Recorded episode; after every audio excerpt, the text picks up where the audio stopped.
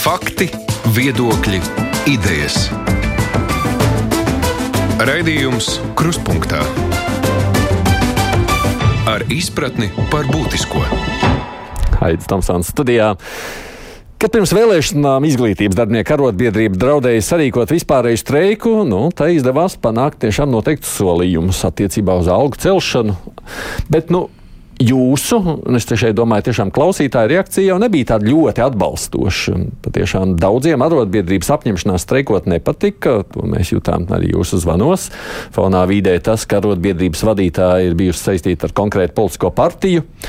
Nu, vēl vairāk tas bija jūtams arī medicīnas darbinieku līdzīgā brīdinājuma streikā. Tikmēr ugunsdzēsēju intereses, kā mēs redzam, vispār nav pamanītas līdz šim, jo, nu, pat, protams, publiski streiki jau nav bijuši, iespējams, nav notikuši. Tagad vienkārši darbinieku trūkuma dēļ jāaptur depo darbs, un tikai tad politiķi saprot, ka nav lāga. Kāpēc Latvijā arotbiedrības ir tik nepopulāras vai nenovērtētas? Nu, mēs redzam, cik tās ir ietekmīgas citvietā Eiropā, vai un kam būtu jāmainās Latvijā. Mēs šādam tematam pievēršamies šajās minūtēs. Studijā šeit ir no Brīvo arotbiedrības savienības Eiropas tiesību un politikas dokumentu eksperta Natāļa Preisa. Labdien jums! Labdien. Tāpat tās kā savienības valdes loceklis un iekšlietu darbinieku arotbiedrības vadītājs Armans Augustāns. Labdien. Darba devēja konfederācijas sociālās drošības veselības aprūpas eksperts Pēters Leiškalns. Labdien! Un Rīgas Straģiņu universitātes sociālā antropoloģija Puzo. Sveiki! Savukārt attālināti caur Zoom sarunai pieslēgsies Providus vadošā pētniece Līga Stafetska. Labdien, Līga! Labdien! Es runāju vakarā ar savu mīļoto, ka iestādē, ja viņas darba vietā nav neviena arotbiedrībā, nu, viņiem darba devējs, ja direktors grib izveidot iestādes arotbiedrību Darbinieki nepiekrīt. Saka, nu, Kam mums to vajag, kāda mums labuma no tādas arotbiedrības un tā tālāk. Atsakot, skepse. Un man šķiet, pats par sevi tāda dīvaina situācija. Darba devējs grib, darbinieki negrib savu interesu pārstāvniecību. Līga, es iesākšu no tevis. Tavuprāt, kāpēc tā situācija Latvijā tā ir, ka arotbiedrības nu, nav īpaši novērtētas? Nu, droši vien tur ir ļoti daudz un dažādi iemesli. Pirmkārt, arotbiedrības ir kaut kas ļoti līdzīgs, varētu teikt, um, nu, tāds nevalstisku organizāciju darbības forma. Un kopumā jau Latvijas sabiedrība ir kūtra vispār iesaistīties. Tā dalība nevalstiskajās organizācijās ir ap 10-11%, arotbiedrībās kaut kur līdzīgi. Um, mēs kopumā neesam īpaši naski uz iesaistīšanos. Tas ir viens. Bet, protams, attiecībā uz arotbiedrībām specifiskāk, es domāju, tur ir dažādi līmeņi jautājumi. Viens ir, kas ir saistīts ar pašu arotbiedrību spēju labi aizstāvēt savu darbinieku intereses un cik tur labi veicās vai slikti, un kas ir iemesli, kāpēc, kāpēc mums arotbiedrību skaits kopumā nav liels, un arī biedru skaits ir salīdzinoši mazs, un viņš šķiet ir pat lejupējošs. Bet ir, protams, arī tā arotbiedrība loma sadarbībā ar valsti, jo daudz jautājumu, kas ir risinājumi, nav tikai uzņēmumu līmenis, bet ir sadarbība ar valsti ļoti svarīga. Un tur mēs nu, jau ļoti ilgus gadus neesam redzējuši, ka vispār šiem sociālajiem, ekonomiskiem jautājumiem, teiksim, politiskā līmenī tiktu piešķirta tāda nozīmīga prioritāte. Mēs kaut vai redzam to nevienlīdzības līmeni, kāds ir sabiedrībā. Uh, Um, un arī nav bijuši tādi politiskie spēki, kas turētu šo kā tādu augstu karogu, ka mums ir vajadzīgs uh, šīs darbinieku interešu lielāka aizstāvība. Mēs redzam, varbūt uh, saskaņa, kas mēģināja uh, visai neveiksmīgi un iespējams pat kaitniecīgi arotbiedrībām šai ziņā šo te arotbiedrību um, nu, aizmuguri izmantot. Uh, Bet kopumā nav bijis pārāk liela interese. Mēs arī maz dzirdam par tādiem veiksmīgiem gadījumiem. Ir atsevišķi protesti bijuši, kur ir nonākuši te līdz streikam, kā pavisam nesen, bet tie ir arī tādi atsevišķi izņēmumi. Bet iepratim mēs redzam uh, ziņas par to, cik uh, vāji nodrošināti ir policisti, cik uh, tagad mēs slēdzam val, um, valsts ugunsreiz, uguns, um, ugunsgrēku un glābšanas dienesta atsevišķas vienības un tam līdzīgi. Mēs pretējā pusē redzam eh, situācijas pasliktināšanos, bet mēs neredzam to aizstāvības balsu. Rodas priekšstats, ka tā ir tāda nevisai ietekmīga institūcija. Tā, tāpēc, ka tā jau nav vienkārši ietekmīga institūcija, jo no otras puses, nu kā tikko Līga sacīja, nu ir jau taču aktuāls tematika, absolūti vai ne mums? Jā, un šeit ir tāds man šķiet arī interesants paradoks, kas iepriekš teiktajā iezīmējās, un es domāju, ka te varētu varbūt skatīties šo jautājumu nedaudz plašāk un arī varbūt nedaudz tādā kā Nu, vēsturiskā kontekstā, tādā sociāla ekonomiskā kontekstā, domājot jau nu, par skarbajiem 90. gadiem, domājot par to, ka tas bija laiks, kad nu, lielā mērā tika, tika milzīgs dažādos līmeņos, dažādos, dažādos diskursīvos līmeņos, milzīgs uzskats, uzsvars lika likts, tika likts uz šo individuālo atbildību, uz cīņu pašam par sevi, eh, vienam par sevi, par savu izdzīvošanu, labi par savas tuvākās vienības, ģimenes izdzīvošanu, eh, ne tik daudz uz kaut kādām solidaritātēm. Un solidaritātēm arī nu, ne tik daudz, nu, ka mēs esam pieraduši varbūt šobrīd domāt nu, par etniskās līnijās, bet solidaritātēm arī profesionāli profesionālajā jomā. Par to, ka mēs kopā darbojoties varētu varbūt kaut ko sasniegt vai izdarīt. Bet tajā pašā laikā, 90. Jā. gados, arotbiedrības bija pat pamanāmākas. Tās tur mēģināja iesaistīties politikā. Mēs atceramies, tie, kas atcerās, protams, sociāldemokrātiskā strādnieku partijas, jo caug pat ar arotbiedrībām. Baldzēns sēdēja parlamentā, nu bija jau. Pat politiski bija. Jā, bet ar laiku tas nu, tomēr, un, un te ir jādomā pat ne tikai Latvijas kontekstā, bet tādā plašākā, nu, pasaules mērogā tas uzskats par to, nu, ar vien vairāk ir tas uzskats, tomēr ir bijis mm. 90. un 2000. tīpaši, un ir īpaši nu, šajā pasaules daļā, tas uzskats uz to, ka mums ir tā individuāla atbildība. Mums ir individuāla atbildība par to, ko mēs darām, par to, ko mēs sasniedzam, par to, kā mums veicas. Ja mums ir problēma, tad tā mums ir jārisina individuāli, arī darba vietā, un tā joprojām. Un, ja tev to visu laiku uh, stāsta, Kas stāsta? Uh, nu, stāsta nu, dažabas. ne, kolēģi, piemēram, Latvijas Kultūras Akadēmijas kolēģis rakstījuši par to, kāda, par, par šiem dažādiem veidiem, kā piemēram politiķi 90. gados ir runājuši par to, uh, ka, nu, jūs, tas, ko jūs te sūdzaties par savām mazajām problēmām. Mums ir lielā valsts, par ko ir jādomā, vai ekonomiskā izaugsme, par ko mums jādomā. Tāpat pēc 2008. Uh, gada krīzes atkal kādas nu, kādas ir tās sarunas, kādas ir tās kādi ir tie diskursi, kas parādās ne, par to, ka nu, mēs proti, domājam individuālā līmenī, jā. nevis plašākā. Ei, tas ir tas galvenais, laikam. Bet varbūt arī otrādi ir drīkst. Es eh, tulītās arī iešu pie pāriem. Varbūt, ka es jūtos vainīgs, nu kā, nu, mana alga, bet man taču par valsts jādomā. Valstī grūti laiki, karš un viss, nu, kur es par sevi? Nu, man bišķi jāpaciešas. Nu, jā, bet, bet tad mums ir jādomā, uh, kur, kur ir sanāk tie, kuri cieš vai ne. Uh, labi, mēs, nu, tas teiciens, mēs visi varam būt vienā uh, vētrā, bet mēs esam atšķirīgās laivās. Un tajā brīdī es domāju, ja ir kāda organizācija, profesionāla organizācija, arotbiedrība, uh, nu, kas varbūt vei, palīdz mums veidot to laivu, kurā mēs visi esam mm. Tā laiva tomēr lielāka, un varbūt mēs nu, tik ļoti nenoslīgsim un tik ļoti neno, ne, ne, necietīsim tajā vētrā, kā tad, ja mēs esam tajā vienā mazā individuālajā laivā. No nu, tā, ja reiz jūs esat saistīti ar Eiropas tiesībām, es kādreiz skatos, pieņemsim, uz Franciju un domāju, bet tiem tur galīgi nenāk prātā domāt par valsts interesēm. Viņi tur kā kaut kas neapmeklē, tā iet uzreiz ielās, uzreiz streiktājas, vienalga, ērti vai nav ērti. Kur tā, nu, kur, kā jūs redzat, kāpēc mums ir citādi? Man liekas, šis jautājums nav man, bet kolēģiem. No. Bet uh, francūziem viņiem ir ārkārtīga savu tiesību apzināšanās. Mm. Viņi zina savas tiesības, un viņi nepacieš tas, to, tieši tas, ko kolēģi teica. Ja man dara pāri, es par to teikšu. Es pastāvēšu par savām tiesībām. Un man liekas, tas nāk kaut kā no sabiedrības.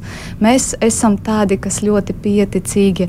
Mēs drīzāk tieši pacietīsim, paklusēsim, apspriedīsim virtuvē uh, savas problēmas un sāpes. Nevis tā kā stāvēsim kājās un uh, stāvēsim par savām tiesībām. Bet varbūt mums vienkārši pārāk daudz visiem dara pāri, skolotājiem dara pāri, ugunsdzēsējiem dara pāri, mediķiem dara pāri. Nu, pārāk daudz visiem dara pāri, nu, beigās saprot, nu, ko tad. Vēl viena problēma, ka skolās nemāca darba tiesības, kur uh, jau no jaunības gadiem jauniešiem būtu iespēja savas tiesības zināt, lai pēc tam ienākot darbā, darba tirgu aizstāvēt, nu, stāties arotbiedrībās vai veidot savas arotbiedrības drīzāk.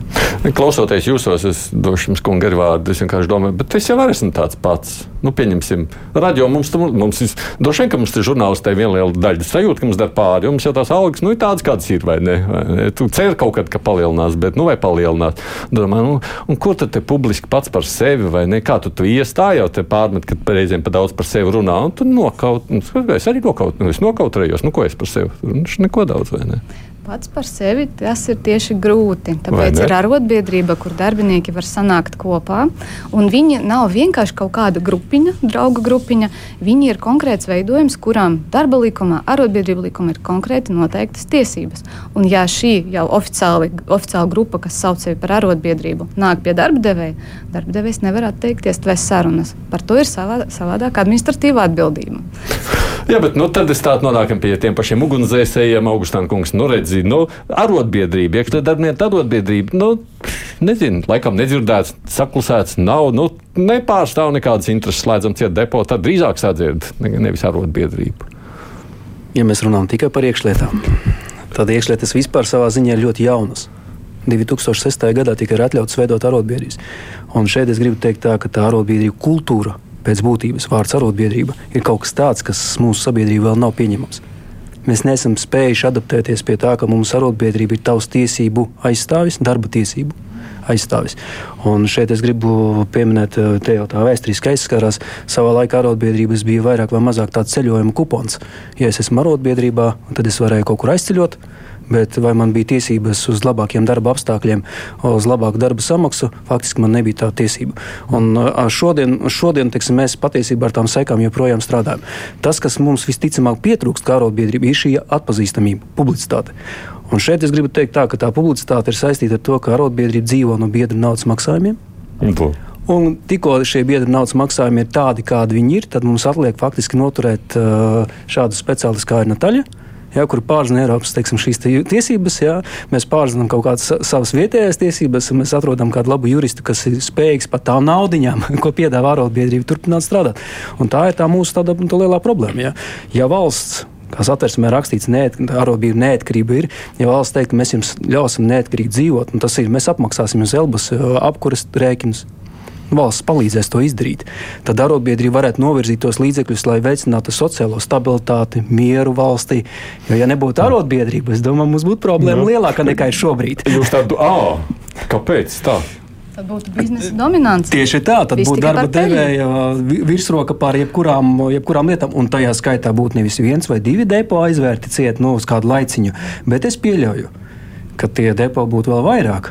Un tad darbiniekam pastāstīt, klausies, eh, tu strādāsi nevis 144 stundas virsstundas mēnesī, bet strādāsi man pa brīvu vēl 144. Mm, bet mans priekšstats drīzāk bijis otrā valsts, jo domāju, ka nu, tā arotbiedrība ir nu, tāds nepieciešams, bet grūts un nepatīkams partneris. Ar ko jau baigi tur negribas, kāpēc mums viņiem vēl apmaksāt rēķins, ja viņi taisa streiku? Nu. No valsts tā, tā varētu šķīst no malas, ka tā arī ir. Un brīžiem šķiet, ka tieši tā arī domā. Nu, jā. bet tad, kad satiekas, tad tā, protams, nenotiek. Nu, ne, acīs jā, bet acīs nesek, bet, aiz muguras faktiski kaut kāda lēmuma, kuros būtu bijis jāpiedalās arotbiedrībai simtprocentīgi. Pirms, vispirms būtu jāpajautā, kā jūs domājat, nu, kā darba ņēmēji pārstāvi, un tā ir skaitā kā darba devēja pārstāvi, un kā tad mēs to redzam. Faktiski jau mēs liekam, nu, vairākos gadījumos tomēr noliekam fakta priekšā. Būs šādi. Un tad mums atliek, vai nu mēs atrodam mm. kaut kādu robu šajā kā būs šādi, un tad to robu mēs kā, nu, ceļam ārā un mēģinam sabiedrībā ar, nu, ar saviem biedriem, ar visiem pārējiem kaut ko darīt. Šeit ir tāds. Tikai jā. pirms es dodu Pēterim vārdu, vai, vai tas ir citādi arī tajā pašā Francijā, Lielbritānijā vai Vācijā, kur tie streiki redzami. Tur taču arī vai ne biedru maksas, vai ne, un valdība jau stāv, ja vadība ar savu pusi, nu, tad pretstāva taču ir vienmēr. Ļoti patīk šis jautājums vienmēr. Um, viss ir atkarīgs no tā, ar ko salīdzina. Un parasti salīdzina ar Skandināvu valstīm. Jā. Jā ar Vāciju, ar Franciju. Un tur arotbiedrības veidojās vairāk nekā simts gadus. Un turklāt viņiem bija sākotnēji pieejama tā saucamā genta sistēma. Proti, pašvaldība iedeva iespēju arotbiedrībām apsaimniekot bezdarbnieku pabalstu fondus. Visiem bija ļoti liela interese iestāties arotbiedrībā, lai būtu nodrošināts bezdarbnieka mhm. pabalsts un citi pabalsti. Un šādi arotbiedrības sākotnēji būvēja savus spēkus, savas rindas, pēc tam investēja, un šādi viņiem ir ļoti laba finansiālā noturība. Vēl viens aspekts, ka arotbiedrības tur veidojās tad, kad darba tiesības detalizēti tikai veidojās. Un tāpēc darba devēja un arotbiedrības sēdēja kopā un ar koplīgumiem un dažādām vienošanās viņi noteica darba tirgus standartus standartus, darba tiesību standartus. Mēs savukārt dzīvojam nedaudz citā laikā, kad darba tiesības jau ir dažādās konvencijās, Eiropas direktīvās. Mūsu likumos arī kaut kā. Tieši tā, un tāpēc Elbas, piemēram, galvenā funkcija piedalīties šajā trīspusējā sadarbībā un turēt stipras darba tiesības, stipru darba likumu. Šeit vienīgais Armāns ļoti pareizi pateica, ja mēs skatāmies desmit gadu garumā, um, Elbas spēja noturēt darba tiesības un darba likumu diezgan labā formā, pat taupības pasākumos, kas bija 2010. gadā. Bet, kur ir mūsu liela problēma, mēs neprotam par to pastāstīt. Labi, pie pastāstīšanas atgriezīsimies. Savukārt, Pēters, skatoties tieši uz darba devējiem, redzi, tas otrs priekšstats viens ir starp valdību jā, un arotbiedrību. Nu, tāda pretstāva, kas mums liktos automātiski, nu, redz, tur viņi spiež uz valdību, valdība tur kaut kā lokās meklē atrast kādu kompromisu. Ar darba devējiem jau ļoti līdzīgi, vai ne? Nu, darba devējiem nepatīk arotbiedrības. Tā gribētos domāt. Tur, pieņemsim, skatāmies šobrīd Vācijā avio nozarē, nu, tad kurš cīnās darba? Darbinieki ar darba devēju. Tas jau ir tas normālais, normālais pretstāvs cikls, jau ir eh, darba sociālais dialogs, kas mums Latvijā ir trialogu formā, pamatā mm -hmm. tomēr. Ja? Eh, nu, tas normālais cikls, protams, ir, kad eh, darba devēji un arotbiedrības risina kopā tos visus darba tiesību un darba drošības un darba apstākļu, visus tos jautājumus, arī atalgojuma jautājumu risina viens ar otru, un kaut kādos brīžos valdība ir kā arbitra arbitrs tāds. Ja? Nu, kas ir Latvijas, pro, Latvijas problēma? Manuprāt, ir tā nu, vēsturiskā situācija, kad vienu brīdi arotbiedrības bija komunisma skolas. Tas, protams, 90. gados likās, ka tas nu, tā jāiet ir ātri, ātri prom, un arī bišķiņa aizgāja pat tālu, varbūt prom. Mm -hmm. teiksim, ja? Tagad viņas nu, nevar, nevar zināmā mērā atgūties. Ja? Un tad ir otrā lieta, protams, ja mēs skatāmies uz ražošanu, jau mm, Preizes kundze jau minēja, tur pirms simts un vairāk gadiem, reģionīs jau vēl vairāk gadi bija. Ja? Tad, kad jau sākās nu, manufaktūras un tā tālāk, tad arī viņas nāca gaismā šīs te raudu, nu, tāpēc, ka viņas bija vaidi nepieciešams mm. un mhm. galvenokārt viņas bija veselības, veselības apdrošināšanas sistēma pēc savas būtības sākotnēji?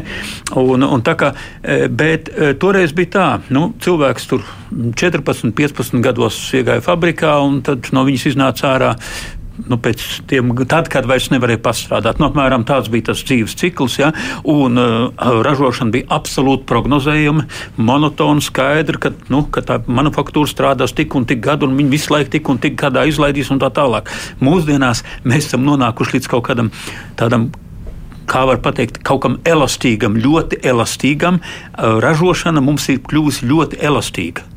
Un tagad ir tas jautājums, eh, nu, Preizes kundze arī minēja to labi noturēto darbu likumu. Jā, viņš kaut kādās pozīcijās ir uh, interesanti noturēts. Te pašā formātā, ka tu ne, ne, nedrīkst ar, atlaist arotbiedrības biedru, eh, tad ir tas jautājums par virsstundu apmaksu, eh, kur ir 100%. Mēs vienīgie Baltijā esam ar 100%. Ja?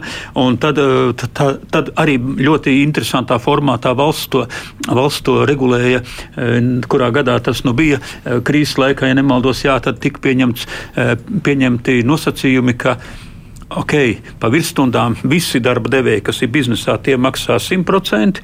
Savukārt vienai um, profesijai tika noteikts, uh, pat ne profesijai, tātad nozarei tika noteikts, ka tur tikpat cik tur algas maksā valsts, tad tur normālais darba laiks ir nenormāls. Tas ir pusotrais lielāks nekā standartā. Ja? Tā kā valsts ir izsnājusi, tā lielā problēma ir kur? Tas, nu, kā latvieši saka, arī, cāļi skaita rudenī, ja, nu, tas ir tas lielais jautājums. Un mans jautājums ir, ko esošais darba likums, ko esošā darba nodokļu politika ir izdarījusi ar, ar ar ekonomiku. Mums, saprotiet, ir tā mazā nianse, ka. Es neaiziešu visā lielajā laukumā, piedodiet, Pēter. Vienkārši tas jautājums tāds. Darba devējs jau ļoti, nu, pēc idejas taču nav interesēts, lai viņam būtu arotbiedrība. Eh, ziniet, es domāju, ka viņš nav tādā veidā, ka viņš ir neieinteresēts. Patiesībā viņš ir, es, manuprāt, viņ, viņš ir diezgan neitrāls, neitrāls pret šo pozīciju. Darba devējs ir interesēts tieši kā, lai būtu normāla, laba nodokļu politika, lai uh, normatīvais regulējums uh, būtu tāds, kas veicina izaugsmi. Jo Latvijas problēma ir tā, ka Smilšu ielā 3 un skolas 28, kur atrodas Finanšu ministrijas un Labklājības ministrijas pagalmā, viņi nav atraduši naftu. Un mēs varam turēties, šī valsts var pastāvēt tikai uz to, ko mēs uz mūsu devumu pasaules kopējā ekonomikā. Tas ir iekšzemes koprodukts uz iedzīvotāju. Un tas, jāteic, ka ir, mums ir ļoti zems. Mēs stingri atpaliekam no 16. gada sākām jau strauji, nu pirms tam jau atpalikām no Igaunijas, tagad atpaliekam 16. gadā sākām strauji atpalikt arī no Lietuvas. Tas ir IKP. No, labi, labi, jā. tā turpināt ar spriekšu. Jā, bet tad ir tas jautājums, kad ārotbiedrības mums pamatā ir tās pamata arotbiedrības no tām 19, kas ir Elbasā, 16 eh, faktiski ir atkarīgs no budžeta ieņēmumiem. Budžeta ieņēmumus veido IKP, IKP uz iedzīvotāju.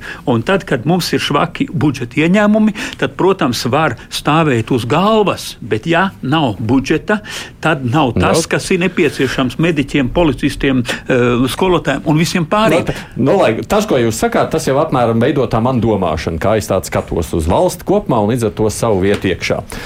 Lai būtu interesantāk, es lasu, kamēr jūs runājat, arī ar vienu aci skatoties datorā, ko ļaudis raksta. Tās vēstules ir beigās interesantas, man tā šķiet. Ilmārs, piemēram, raksta šādi. Es kādreiz biju cēlus valsts arotbiedrībā un sapratu, tā aizstāv tikai darba devēja tiesības un bonusus darbinieku. Nē, mani atlaida no darba, arotbiedrības atbalsta nebija nekāda. O, mans secinājums arotbiedrības ir korumpēts no darba devēja puses. Nu, un nav vienīgais, kas šo tādā sacītās saku, saka, tādā veidā saka, sakot, ka viņi jau nejūt. Tad, kad vajag, tā atbalsta nav. Jūs arotbiedrības pašas jūtat, ka jūs esat vājas varbūt reizēm. Man ļoti žēl par Ilmāra gadījumu. Tie, tikai mēs tiešām nezinām, kāda bija atlaišana, jā, kāda jā. ir atlaišanas apstākļi un par ko Ilmārs tika atlaists. Bet uh, kopumā arotbiedrības uh, ir uh, ļoti atkarīgs no savas spējas sniegt juridisko atbalstu. Un lielākai daļai arotbiedrību šādas iespējas ir. Turklāt, piemēram, Elbasē ir paredzētas bezmaksas konsultācijas jebkuram darbiniekam, gan arotbiedrības biedram, gan ne, piezvanīt un uzzināt par savām tiesībām. Un, kur ir lielākais atbalsts? Zināt savas tiesības. Vai šajā situācijā taisnība ir darba devējam un tu tiec, piemēram, atlaists pamatoti, vai arī uh, tev ir jāzina savas tiesības un Jā. jāaizstāv. Un ko jūs sakāt? Sakot tā, nu, tas ir tad, ja es tiešām grasos sastrīdēties ar savu darba devēju, un, un vispār viņš man gribēs padzīt, un es negribēšu iet prom, nu, tad varbūt arotbiedrība man varētu noderēt. Bet vispār jau viena liela daļa latviešu saka, mm, nu, es tādos apstākļos tāpat ne, es vai nu strādāšu, kamēr darba devējs man pieņem, vai nestrādāšu, kam man tāda, nu, es negrasos nekad tiesāties ar savu darbu devēju. Mēs vienmēr sakām, jūs taču pērkat okta vai kasko. Un jūs maksājat kaut kā, jūs iestājāties šajā sistēmā, jūs maksājat biedru naudu vai nu, naudu oktā. Un uh, konkrētajā brīdī jums nekas nav vajadzīgs. Bet katram var dzīvē pienākt risks. Tieši tāpat kā ar apdrošināšanas polisi. Un tad jums šī arotbiedrība būs vajadzīga. Arotbiedrība darbojas kā apdrošināšanas polise. Brīdī, kad jums, diemžēl, nezinu kādu apsvērumu dēļ iestājās šis strīds ar darba devēju, advokāta biroja pakalpojumi un konsultācijas maksās daudz vairāk nekā biedru naudas. Reāli, nu, pieņemsim, tagad skatoties līga. Nu, Tīra tādu subjektīvu skatu punktu. Nu, jūs taču neesat arotbiedrības eksperts, es pieļauju, vienkārši pētnieks. Uh, nu, jūs prāt, ko cilvēks sagaida no arotbiedrības? Nu, ko jūs sakat, nu, ko arotbiedrība dara? Tā tad, ja man atlaiž viena lieta būtu šādi, jā, nu, tad tiesāties, nu, es Es, liekas, es arī es gan esmu arotbiedrība biedrs, bet man liekas, esmu postulējis, jau darba devējs teiks, ka man jātīns prom, es iešu, nu, ko es tur ar viņu kasīšos. Es uzskatu, ka es atradīšu citu darbu. Tas man nav. Nu, ko es vēl gribu sagaidīt no arotbiedrības? Nu, man liekas, ka tā problēma ir, ka mēs tiešām maz esam dzirdējuši tādus ļoti labus, konstruktīvus, eh, labi atrisinātus eh, gadījumus, kur arotbiedrības loma tiktu tā labi parādīta. Tas, ko es arī aptaujājot pirms šī raidījuma draugus, radus paziņas, ne, nebija pārāk daudz, kas darbojas arotbiedrībās, kas ir biedri. Bet eh, tas, ko viņi norādīja, nu jā, tā neaizsargātības sajūta ar arotbiedrības esamību nevienmēr atrisinās. Ļoti lielā mērā tie arotbiedrību vadītāji organizācijās ir cilvēki, kas arī paši ir darbinieki, un tas no viņu līderības spējām lielā mērā ir atkarīgs, vai šī arotbiedrība vispār tās gaidas piepildīs. Ja šis līderis ir ar tādu, nu, kā mēs sakam, ar aknu vai ne, kurš arī labi pārzina darba tiesības, tad iespējams, ka tur kaut kas arī tiks panākts. Bet varbūt arī tādi uzņēmumu vadītāji, kuriem šis ir nu, riktīgs sprungulis vai ne, kas traucē viņu darbu, un, un tad notiek tādas lietas kā reorganizācijas, un visi šie aktīvisti lēnām kaut kur varbūt ne gluži tiek atlaisti, bet, nu, tiek, nu, teiksim tā, pasliktinātie viņu darba apstākļi, un tā, tas mikroklimats šādos gadījumos nebūtu nav labs. Bet tas, ko arī parāda, teiksim, tās kopumā varbūt tā situācija sabiedrībā nav tik drūma. Es tieši atradu pagājušajā gadā SKDS bija veicis arotbiedrību pasūtījumā tādu aptauju, un 60% Latvijas um, respondentu uzskata, ka kopumā cilvēki ir labāk pasargāti tad, ja viņi ir arotbiedrības biedri, bet uh, aptuveni ceturtā daļa domā, ka tam vispār nav nekādas jēgas. Uh, un, un ap 20% ka viņi īsti nevar saprast, ko no arotbiedrībām sagaidīt. Tā kā Droši vien, ka tā labā prakse, kur ir tāds konstruktīvs darbs, kur ir savstarpējais respekts, nevis kur ir tāda, nu, tāda galējā cīņa jau par darba apstākļiem, būtu palīdzīga, lai tie cilvēki saprastu, kāda jēga no tām arotbiedrībām. Tā ir tāda līdzdalības axioma. Cilvēki iesaistās tad, ja viņi redz, ka tas kaut ko dod, ka to, tā, caur to var kaut ko panākt, kaut ko ietekmēt. Citādi nu, tā motivācija iesaistīties vēl maksāt kaut kādas dalības maksas, protams, nav pārāk liela. Un es lasu Agnēs rakstīto. Vairākus gadus neesmu mediķa arotbiedrības biedra. Kāpēc? Jo kamēr lielā arotbiedrība tur bļaustās pa augšu, man vietējā arotbiedrības vadība manā medicīnas iestādē neko vairāk kā biedra naudas iekasēšanu un ekskursiju organizēšanu nenodarbojas. Tiklīdz tiešām bija reāli nepieciešamība īstam iestāties par darbinieku interesēm, tad bija tukša vieta.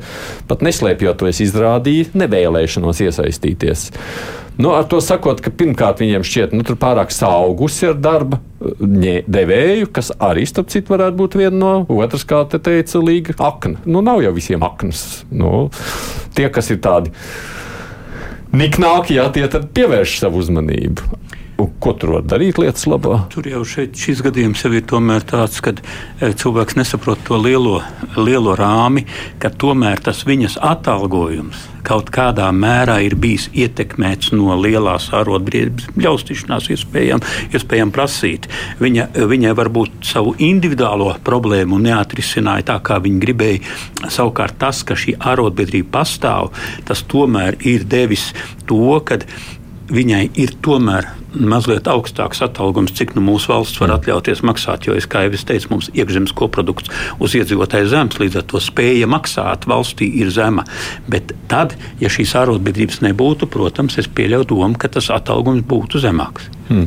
Nu, no otras puses, nu, tā, viņi tur cīnās, vai ne? Nu, kāds viņas vietā jau vienmēr izcīnīs, kāpēc man, man tur kaut ko darīt? Ļoti svarīgs komentārs par šo. Jo šeit ir visa tā būtība, ko cilvēki nesaprot par arotbiedrībām, ko varbūt mēs nespējam pietiekami labi paskaidrot un ko nemāca skolā arotbiedrība nav kaut kas tāds, kas ir atrauts. Tā ir persona apvienība. Mēs šeit visi ar jums izdomājam, mm. ka mhm. mēs gribam sarunās ar darba devēju būt kolektīvs, izveidojam arotbiedrību. Un vienojamies, ka jūs būsiet mūsu vadītājs. Un tad jūs esat mūsu vadītājs, un laika gaitā mēs pamanām, ka jūs kaut kā ar mūsu darba devēju esat pārāk draudzīgi, mūsu intereses tur nav sadzirdētas, mūsu nozares arotbiedrība nekad nepasaka, kur publiski par mūsu interesēm. Un mēs neesam apmierināti ar jūsu darbību, nesaprotam, priekš kā maksājam biedru naudu. Tad šeit mēs jūs ievēlējam, mēs jūs arī noņemsim no amata. Un šeit mūsu klausītāji uh, ir jautājums, vai viņi ar kolēģiem ir. Uh, uztaisījuši sapulci, izteikuši šo neapmierinātību un balsojuši par to, ka ir jānomaina, lai būtu cita līdere, kas būtu profesionālāka un labāk aizstāvēt viņus intereses. Nu, neesam mēs tik aktīvi. Nu, nē, mēs laikam vispār pēc dabas neesam tik aktīvi, vai ne? Tas ir tāds uh, plašs plaš jautājums. Nu, tas ir jautājums spriež. Jā, bet man šķiet, ka tas, ko jūs iepriekš minējāt par iespējām, par šo, ka iespējams tiešām daļa no tā izaicinājuma ir tas, kā tiek komunicēts tas, ko un kā arotbiedrības dara, un kas ir tas, ko mm -hmm. uh, arodi, arotbiedrības uh, var sniegt, vai varbūt pat ne, nedomājam par arotbiedrībām, cita veida kaut kādas profesionālās organizācijas, kas apvienojas, lai pārstāvētu noteiktu nu, profesionālās grupas um, intereses. Jo es piekrītu, ka ir nedaudz tas tāda, nu, tāda kā varbūt ne gluži stigma saistībā ar vārdu arotbiedrība, bet kaut kādas tās asociācijas, kas varbūt saistās ar padomju laiku, mm. saistās ar kaut ko tādu. Un tad vienā brīdī, uh, nu, ja tu īsti nezini, ko arotbiedrības dara, kā viņas to dara, Uh, tad tu līdz galam neesi pārliecināts, ka tu gribi tajā iesaistīties. Uh, un, un, protams, mēs varam arī skatīties, kā um, nu, šie um, nu, arotbiedrību darbība uh, ir. Varbūt, nu, kā, kā, kuras ir tās valstis, varbūt, kur arotbiedrības nu, ir uh, spēcīgākas, vai uh, kurām ir vairāk biedru, un tad skatīties, ka tiešām kas ir šie kaut kādi jā. vēsturiskie, sociāla-ekonomiskie faktori, kas to ir ietekmējis. Jūs, piemēram, jā. Jā, jā. labi, labi. viss kārtībā. Es iešu uz priekšu ar konkrētu piemēru, tikai atgādināšu, mums šeit ir jau Puzo no Rīgas Traģiņu universitātes sociāla antropoloģi, no Providus piesnākusies vadošā pētniece Līga Stafetska, no darba devējiem Petrs Leiškalns un no Brīvo arotbiedrības savienības divi pārstāvi Natāļa Preis un Armans Augustāns. Raidījums Krustpunktā.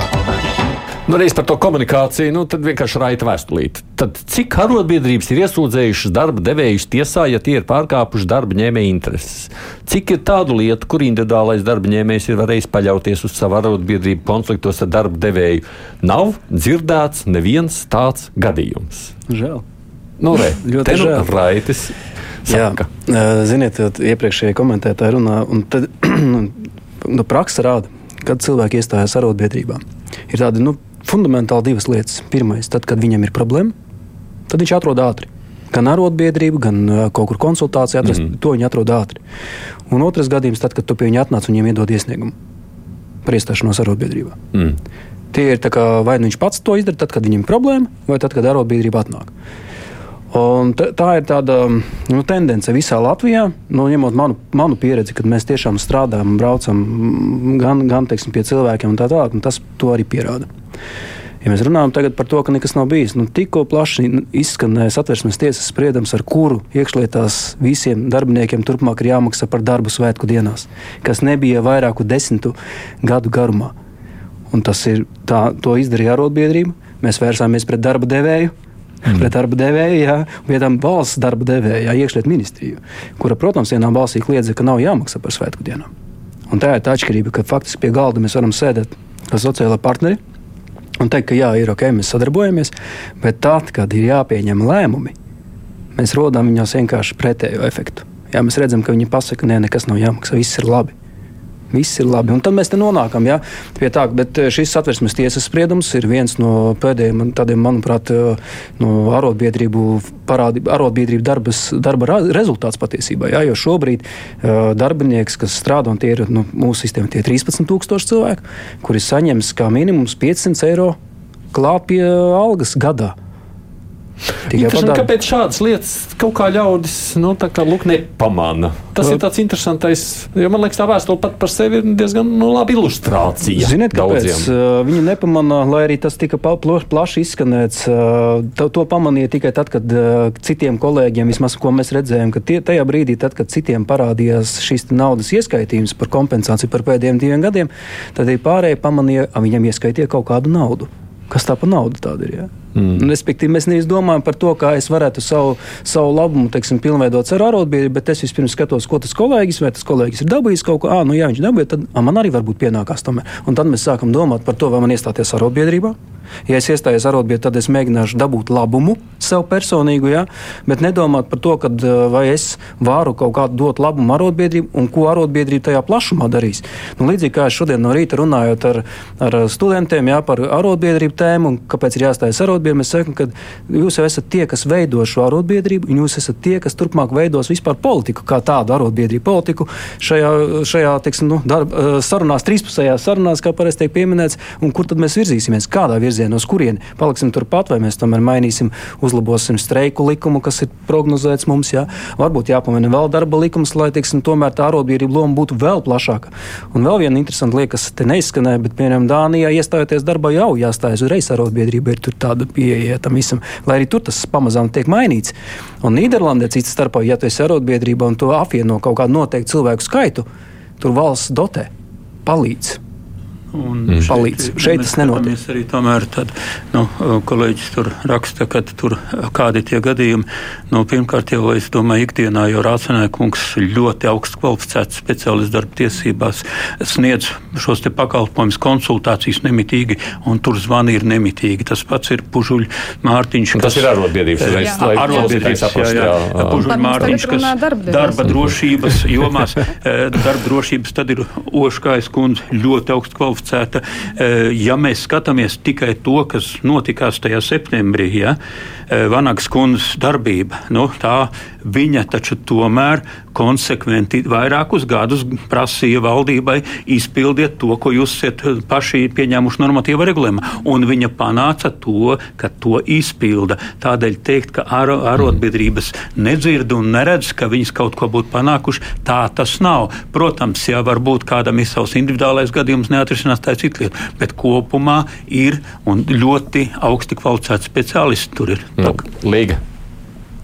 Jā, nu tikko pieminētā Vanīgas kundze arī parāda, atgādina šo aptauju, kas gan tika veikta pagājušajā gadā, tātad pirms šī streika, un faktiski cilvēki varēja nosaukt burtiski tikai trīs, trīs arotbiedrības, par kurām viņi ir dzirdējuši. Un tas liek domāt par to, ka no arotbiedrībās tomēr ir tāda liela līderības problēma, jo, ja mēs paskatāmies no ietekmes iespējām, nu ir ļoti plašas iespējas arotbiedrībām tikt pie lēmumu pieņēmējiem. Ir šis sociālais dialogs, sociālie partneri, Eh, diezgan labas iespējas eh, eh, piedalīties saimnes komisiju darbā, un arī dati mūsu kolēģi no Pilsoniskās alianses ir apkopojuši, saskaitījuši, cik tad kura organizācija pēdējo trīs gadu laikā ir piedalījusies.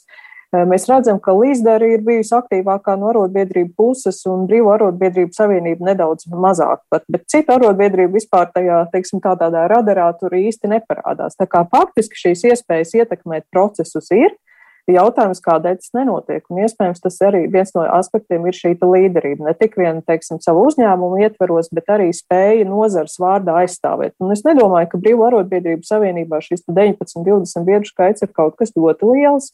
Būtu vērts padomāt, kā šo ietekmi paplašināt, jo arotbiedrības spēks ir šīs daudzskaitlīgums, bet nu, arī līderības problēma. Bet, ja drīkst līga vēl mazliet par šīs līderības tematikas, tomēr mēs redzam, nu, gan stāstā par Vanagas kundzi, gan arī par Kera kungu. Nu, grib vai negrib, tur kādā brīdī, nu, ja tas ļoti aktīvs un līderis, nu, tur grib vai, nu, nu, tu kaut kur iejau, izaudz ārā, un tad tur vai ne jau iesaistīšanās kādā politiskajā partijā vai saistības, un tur uzreiz no otras puses sabiedrībā rodas skepse. Ā, nu, tur jau ir politiskās intereses. Un ko ar šo darīt? Jā, nu taisnība. Jebkura organizācija, protams, var būt kā tāda nākamo politiķu kalve, un mums jau ir arī bijuši, bijusi pieredze, es nedomāju, ka tas vienmēr ir kaut kas slikts, vai arī otrādi, ka politiķi atgriežas. Tāpat Vanagas kundze ir ar pieredzi politikā. Viņa labāk zina šos ietekmes svirus, kurā brīdī arī panākt un aizstāvēt savas intereses. Tā problēma varbūt ir bijusi arī tajā, ko es arī sākumā teicu, ka mums nav bijuši tādi politiskie spēki, kas nestu šo karogu un aizstāvētu darba ņēmēju intereses. Drīzāk otrādi viņi parasti atcerās par šo cilvēku masu, kad nāk šīs vēlēšanas. Tad mēs redzam visādas sadarbības, labās gribas memorandus un tam līdzīgas lietas, vai arī nu, savulaik saskaņas, saskaņas rīcība ar teiksim, Rīgas pašvaldību uzņēmumu un šīm arotbiedrībām būtiski nu, bojāja tēlu arotbiedrībām kopumā, radot aizdomas par to, kā šīs arotbiedrības tika izmantotas kādiem nevisai likumīgiem mērķiem.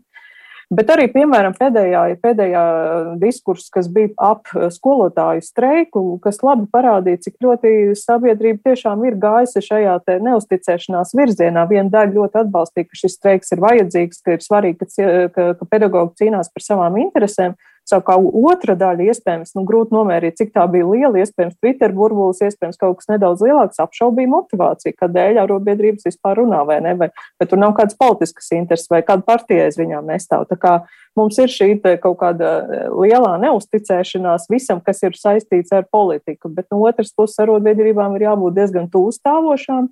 Cita lieta, ka varbūt viņas pazūd tajā sociālajā dialogā. Mēs dzirdam, sociālajie partneri šodien tikās ar premjeru, ko tas īsti nozīmē. Tie, ir, tur ir arī darba devēji, vai ne? Un mēs nezinām, kuras, kuru interešu pavadā viņi aiziet. Un tādā, tādā visu tādā nopaļautās formās mēs, mēs nejūtam varbūt to, ka tas ir tieši tai darba ņēmēja interešu labā kaut kas panāks. Mēs drīzāk redzam to otru pusi, ka darba devējiem ir liela ietekme. Un tur ir arī vairāk partneri. Tur ir Latvijas tirzniecības rūpniecības kamera, LDDK citas uzņēmēji, finanšu nozara. Šīs ir ļoti ietekmīgas organizācijas, iepratim dažām arotbiedrību organizācijām. Tā kā tur tas līdzsvars arī nav gluži līdzvērtīgs. Nu, tā vēl viens mīnus tajā tikai tāda man replika no manas puses. Nu, tur jau tam cilvēkam, kurš ir līderis, ir jābūt ir iekšā, tā kā latviski to mēs varam sacīt, jo tev jau sit publiski ļoti aktīvi sit vai ne sabiedrībās. Uh, Arotbiedrību vadītājs jau zaudzē biezādi, lai ar šo te varētu kaut kādā mērā sadzīvot. Un ja tev nav tādas, nu, tad labāk tā mierīgi, mierīgi, mierīgi ekskursijas organizēt vai kaut, vai kaut ko tādu darīt. Līdz par šo komunikāciju un spēju kaut kā sevi. Nu, Pavilkt, popularizēt. Nu, ko jūs, jo man liekas, es arī pietiekoši esmu dzirdējis kritiku, sakot, nu, kāpēc Brīvārabīdības Savienība neko šajā jomā daudz nedara? Nu, viņi tur Jā, savāc tikai kopā. Jums vajag iet braukt apkārt, kā jūs teicāt, atstiept iesniegumu, stājies iekšā. Nu, tādā veidā aktīvāk darboties. Cenšamies, man liekas, šī gada laikā mūsu publiskā pieejamība ir izaugusi diezgan, mēs arī meklējam jaunus kanālus, kā sasniegt mūsu biedrus, potenciālos biedrus. Jo mainās jau arī mainās paudzes, un mainās arī tie kanāli, ar kuriem cilvēki iegūst informāciju. Ja iepriekš populārākais bija televizors, tad tagad daudziem jauniem darbiniekiem televizors nemaz nav mājās, un viņi ir jāsasniedz caur TikTok TikTokiem, Instagramiem un Facebooku. Un arī mēs, līdzīgi kā citas organizācijas, mācāmies un cenšamies sasniegt mēdījus. Un vienmēr esam ļoti atvērti lieliskiem priekšlikumiem, kā labāk to izdarīt. Es gribu teikt tā, ka. Uh... Iespējams, šis, protams, ka mēs, mums ir kā arotbiedrībām ir jāuzņemas arī kritika. Jā, un ja mēs neuzņemsim kritiku, tad mēs nespēsim attīstīties. Mēs, kā arotbiedrības, visticamāk, esam stagnējuši stagnējuši tehnoloģiju jomā. Tas, ko dara citas, eh, kaut vai tie paši darba devēji. Jā, mēs redzam, ko dara darba devēji, kā viņi strādā ar savu, savu publiku, jā, ar saviem klientiem, kā viņi to dara. Jā, un tāpat laikā teiksim, arī nu, Latvijas Brīvārodas Savienībai ir jāiziet ārā no šīs stagnēšanas. Jāsāk mainīties, un Natāļa pareizi pateica, ka šis gads ir jau nācis jau ar nu, mūsu iekšienē, mūsu ieskatā ar uzlabojumiem. Uh, tīri publiskajā tēlā, jā, bet, ja mēs gribam nu, skatīties uh, 30 gadus, neko īpaši nedarot tajā, tajā jomā, nu, nestrādājot šādi, tad, protams, ka vienā dienā vai gadā ietvaros mēs nevaram panākt šī reitingu uzaugumu jā, būtisku. Bet uz to tiek strādāts, ir nomainījusies arī valde Elbasā, jā, kas ir ļoti būtiski, manuprāt, kas varētu būt viens no šiem rādītājiem, lai Elbas kā, kā organizācija sāktu augt un viņas vārds nu, jau tiktu daudzināts ne tikai šeit, kruspunktos, bet varbūt biežāk, mēnesī reizi, varbūt divas reizes mēnesī. Ja? Gan jau es kruspunktā arī jums daudzināsim negatīvā nozīmē. Jā, tā, ne, pilnīgi pareizi. Nu, tāpēc es saku, ka arī mums kā arotbiedri jāuzņem kritika kas ir normāli, jā, jāmācās. Jo, ja mēs tikai teiksim, ka nē, nu, mēs te baigi forši esam, viss ir kārtībā, tad jau nu, mēs nespēsim saprast, kur tad ir mūsu kļūda. Bet kļūdas ir, viņas ir jāmaina, viņas jāuzlabo un īpaši komunikācija. Es skatos arī no tām vēstulēm, kas joprojām man nāk, nu, gan arī tāda, ka socioloģiska aptauja tagad sāk veidoties, kāpēc cilvēkiem ir skepsi, pieredze negatīva. Un gandrīz viss lielākoties man ir viens pārāk sauga ar administrāciju šie uh, cilvēki. Un tāpēc, nu, kā te bija Zinaida raksta, jā, nu, tur, tā, tad, tur ir dāvāns bērniem Ziemassvētkos, uh, jā, bet nu, runājot par atalgojumu vispār, jo tur arotbiedrība noplāta roka, darba devējiem nav algas. Nu, tad līdz, līdzīgi stāst, pieņemsim par izglītības darbinieku arotbiedrību. Saka, nu, viena lieta ir lielā, bet tajā brīdī, kad tev ir pašam savā vietējā organizācijā, tad, lūk, iestādes vadītājs ir ļoti ciešā sasaistē ar arotbiedrību arotbiedrības biedriem, tur viņi visi bija nu, kolektīvs, nu, tur 30 cilvēki. Nu, visi jau tur kopā bija nesam. Ziniet, kā ir? Tas, ko saka šie klausītāji, ir īstenībā tur ir taisnība. Viņiem ir taisnība. Un mēs arī pat pa tādā ikdienas darbā redzam, ka tur, kur tā šūniņa ir, un viņa var saukt ar vadību. Viņa spēja saukt, jo šādi šīs šūniņas vadītājs ir atkarīgs no darba devēja. Ne. Teiksim, ja pie mums arotbiedrība, kas ir no iekšā darbinieku arotbiedrība, tad valde faktiski ir neatkarīga no darba devēja. Mēs strādājam paši. Mums nav neviens darba devējs, kas mūs uzrauga. Līdz ar to mūsu uzstāšanās, sarunas, veist kaut kādu dialogu ir pilnīgi atšķirīgs, ja tur atnāk, atnāk darbinieks, kurš ir pakļauts šim darba devējam. Un mūsu darba devēji vēl nav iemācījušies nošķirt arotbiedrību kā darbu, kad cilvēks atnāk un pārstāv arotbiedrību organizāciju, un viņu, uz viņu paskatīties kā uz tādu līderi, arotbiedrības, un viņš uz viņu skatās kā uz darbinieku. Tu esi man pakļauts, ej strādā. Mm. Ja? Nu, tas ir tā, tā ir tāda, nu, šeit drīzākais darba devēja izpratne par arotbiedrību. Nu, jā, un tad ir viens labvēlīgais darba devējs, kurš ir pozitīvi neitrāls pret arotbiedrību un saka, viss ir kārtībā, strādāsim kopā, darīsim, vien, un veidojās saiknes ar vienu pozitīvu. Nu, redziet, kā ir neitrāli. Jā, vispār, ja mēs tā skatāmies uz darbu, nu, mēs it kā šobrīd esam darba tirgu, tirgus attiecībās, nu, izgājuši no komandu ekonomikas ekonomikas, uz tirgus ekonomiku. Un šobrīd ir tā, ka principā situācija, ka vienai pusē ir labi un otrai pusē ir slikti, tirgus ekonomikā nav iespējama. Vienkārši nav iespējama. Jo, ja tad tas nākamais, ja kaut vienai pusē ir slikti, tad jautājums ir tikai, cik šai pusē ir, iesp ir mobilitātes iespējas. Kādas ir? Ja, mm šeit darbiniekiem visiem būs slikti, viņi Latvijā neatradīsies.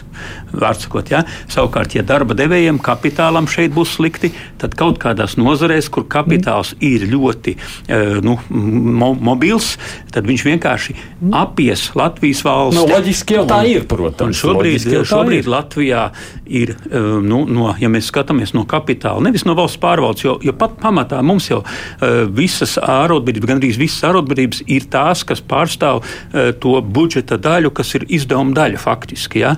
Tātad, nu, to valsts uh, apmaksāto pusi. No, nu jā. Gan drīz viss mums tā ir, ir tikai no tā uh, biznesā, mums arotbiedrība ļoti maz. Ja? Un te, te ir tā problēma, ka Eh, kad ja tas, tas kapitālam Latvijā ir patīkami tikai kur, tikai zemes pievienotās vērtības nozarēs, zema legāla atalgojuma nozarēs, tātad, jo nodokļu politika mums ir izveidota tāda, ka Latvijā mēs esam konkurētspējīgi zemo algu sektorā. Vidējo un tādu normālu un lielu algu sektorā Latvijas nodokļu sistēma ir absolūti nekonkurētspējīga Baltijā. Mēs esam pilni, un tāpēc mums ir izveidojies tas, tas, tas moments, ka mums ir zemes iekšzemes koprodukts no kura var atvasināt pie, eh, pie nodokļu sloga, mums kaut kāds 31% apmēram ir no IKP, ja, eh, no tā var atvasināt švaku naudu, un par to švako naudu mēs visu laiku mēģinām, ja, eh, jā, mēs tas... mēģinām samaksāt cilvēkiem, kuri to ir pelnījuši daudz, vai, nu, kuri ir pelnījuši normāli, bet jā, gan darba likuma, nu, es teiktu, neelasticitāte plus arī šie te, šī te nodokļu politika ir izveidojusi Latvijā situāciju, ka mums iekšzemes koprodukts uz degunu ir 20 tūkstoši, 20. gadā bija lietuviešiem 23 tūkstoši un igauniem 27. Jūs saprotat, ja mums būtu pa, pa 29% augstāks e, nodokļu ieņēmums, tas iekšzemes koprodukts, tad pie tā paša e, iekšzemes koprodukta, pie tā paša nodokļu sloga mēs ieņemtu pa 3-4 miljardiem uh, vairāk Daudziem, gadā. Jā. Un tad mēs spētu samaksāt tiem cilvēkiem normāls augsts, bet mēs to nespējam, tāpēc ka, ka, ka bizness ir nožmiegts uz lētā darba spēka ekonomikas pusi, un arī darba likums ir neelastīgs. Tā, nu, tā, tā mēs te varētu, jā, bet te, tā, te jau parādās tā globālā aina tajā visā, un mēs jau tur, nu, es skaidrs, labi, visu šo raidījumu es arī nevaru šajā sadaļā paņemt. Tur es arī piekrītu, te jau vēl, ja atgriežos tīri piezemēt pie arotbiedrības arotbiedrībām. Nu, kā tā rakstīvārs, ja es esmu labs darba ņēmējs, nu, nu, kurš apzinās savu vērtību. Nu, darba devējiem mums nepatīk, es atradīšu darbu vietu citā. Man tur iet karot ar arotbiedrību un aizstāvēt savas tiesības, galīgi negrasās. Tā varētu tikai tas, kurš nejūtas pārliecināts par sevi. Bet, ja tu neesi pārliecināts par sevi, kā tu tur arotbiedrību var vadīt? un atkal ir tāds apburtais lokus no viņa skatu punkta sanāk, kas arī, protams, varētu būt aspekts. Jautājums, ko darīt? Ir kāda atbilde, nu, pieņemsim, jums kā sociāla antropoloģija, ko varētu lietas labā darīt, lai situācija šajā ziņā nu, kļūtu labāka? Tas ir vēl lielais jautājums man kā sociāla antropoloģija, kā pētniekam. Tā pirmā doma ir, te ir parādās tik daudz fantastisku jautājumu, pētījumu tēmām, un es domāju, ka tas arī mm. būtu vēl viens. Mm. Uh, vispār kaut kas tāds, kam būtu jāpievēršas uh, sociālajiem zinātniekiem, domājot par to, kā, lai tiešām kaut vai saprastu, kā, kāpēc, kāpēc, kāpēc, kāpēc mums vispār rodas visi šie jautājumi, ko mēs šodien apspriežam, par to cilvēku neinteresē, tī, piemēram, iesaistīties arotbiedrībās un, un, un, un tā joprojām. Um, bet ko darīt? Nu, jā, nu, man šķiet, ka ir jādomā. Uh, nu, gan lokāli, gan uh, globāli. Nu, tie lokālie procesi, kaut kāda likumdošana, tas, kā mēs veidojam attiecības savā darba vidē, kā mēs domājam par darbu, kas arī mainās, kā jūs arī minējāt. Uh, nu, paudzes mainās, mainās izpratne par darbu, mainās izpratne par to, kas ir labs darbs un, un, un kādas ir labas darba attiecības tā joprojām. Un tas, tas viss ir kaut kādā veidā jānoķer, par to ir jārunā un tā joprojām. Un, protams, ir visi šie globāli globālie procesi, kurus mēs īsti nevaram ietekmēt. Um, tajā pašā laikā man ir sajūta, ka tā varbūt jaunākā darbinieku paudze, ka tie ir tie, kurus var uzrunāt vairāk ar ar šo mēsīju, ar šo ziņu par to, ka šī solidaritāte mums ir vajadzīga. Ka tajā brīdī, kad tu nu, esi kāda šīs organizācijas biedrs, jā, tu aizstāvi savas intereses, tu aizstāvi citu intereses, un kopā jums ir spēks. Ja drīkst līga mazliet provocējoši no tāda viedokļa, es domāju, klausītāji, kādi, kas šobrīd klausās, atkal būs uz mani nikni, bet skatoties arī tīri no politiskā viedokļa, mēs jau redzam, politiskajā spektrā šis nav ļoti bijis populārs, un arī no vēlētāju viedokļa izskatās, ka nē. Tajā pašā laikā nu, mums ir viena politiskā partija, kas mēģina šajā nišā līst iekšā no tām jaunajām partijām, kas ir progresīvie.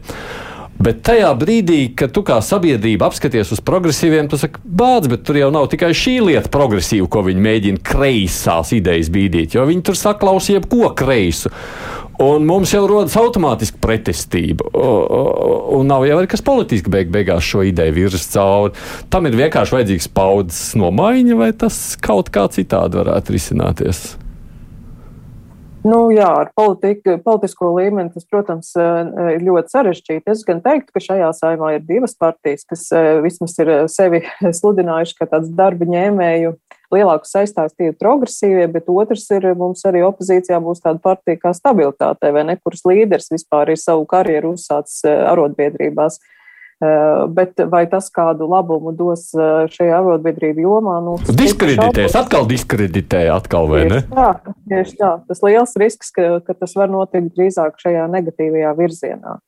Bet, eh, bet domājot par to nākotni, visticamāk, jau, nu, protams, ka darba vide jau ļoti mainās. Mums taču ir veseli sektori, kuros ir darbinieku deficīts, un tur jau darba, eh, darba devējs dara visu, lai šos darbiniekus noturētu. Ir uzņēmumi, kas eh, nu, pieš, piešķir visus šos labumus, kur nav motivācijas vispār pēc tādas arotbiedrības. Mainās paudzes, kurām nav lojalitāte pret uzņēmumiem, neapmierina situācija, iet projām vienkārši vai ne. Protams, tās ir atsevišķas nozares, bet visvairāk jau šīs arotbiedrību jautājums būs aktuāls vēl ilgi šīm publiskā sektorā strādājošiem, gan iestāžu arotbiedrībām, valsts uzņēmumu un darbiniekiem. Tur šīs arotbiedrību jautājums vienmēr būs aktuāls, bet, teiksim, privātajā sektorā Tur ir daudz uzņēmumu, kas ir rūpējies par savu tēlu, ievieš šos korporatīvās sociālās atbildības principus, kas arī ietver labklājības jautājumus attiecībā uz darbiniekiem.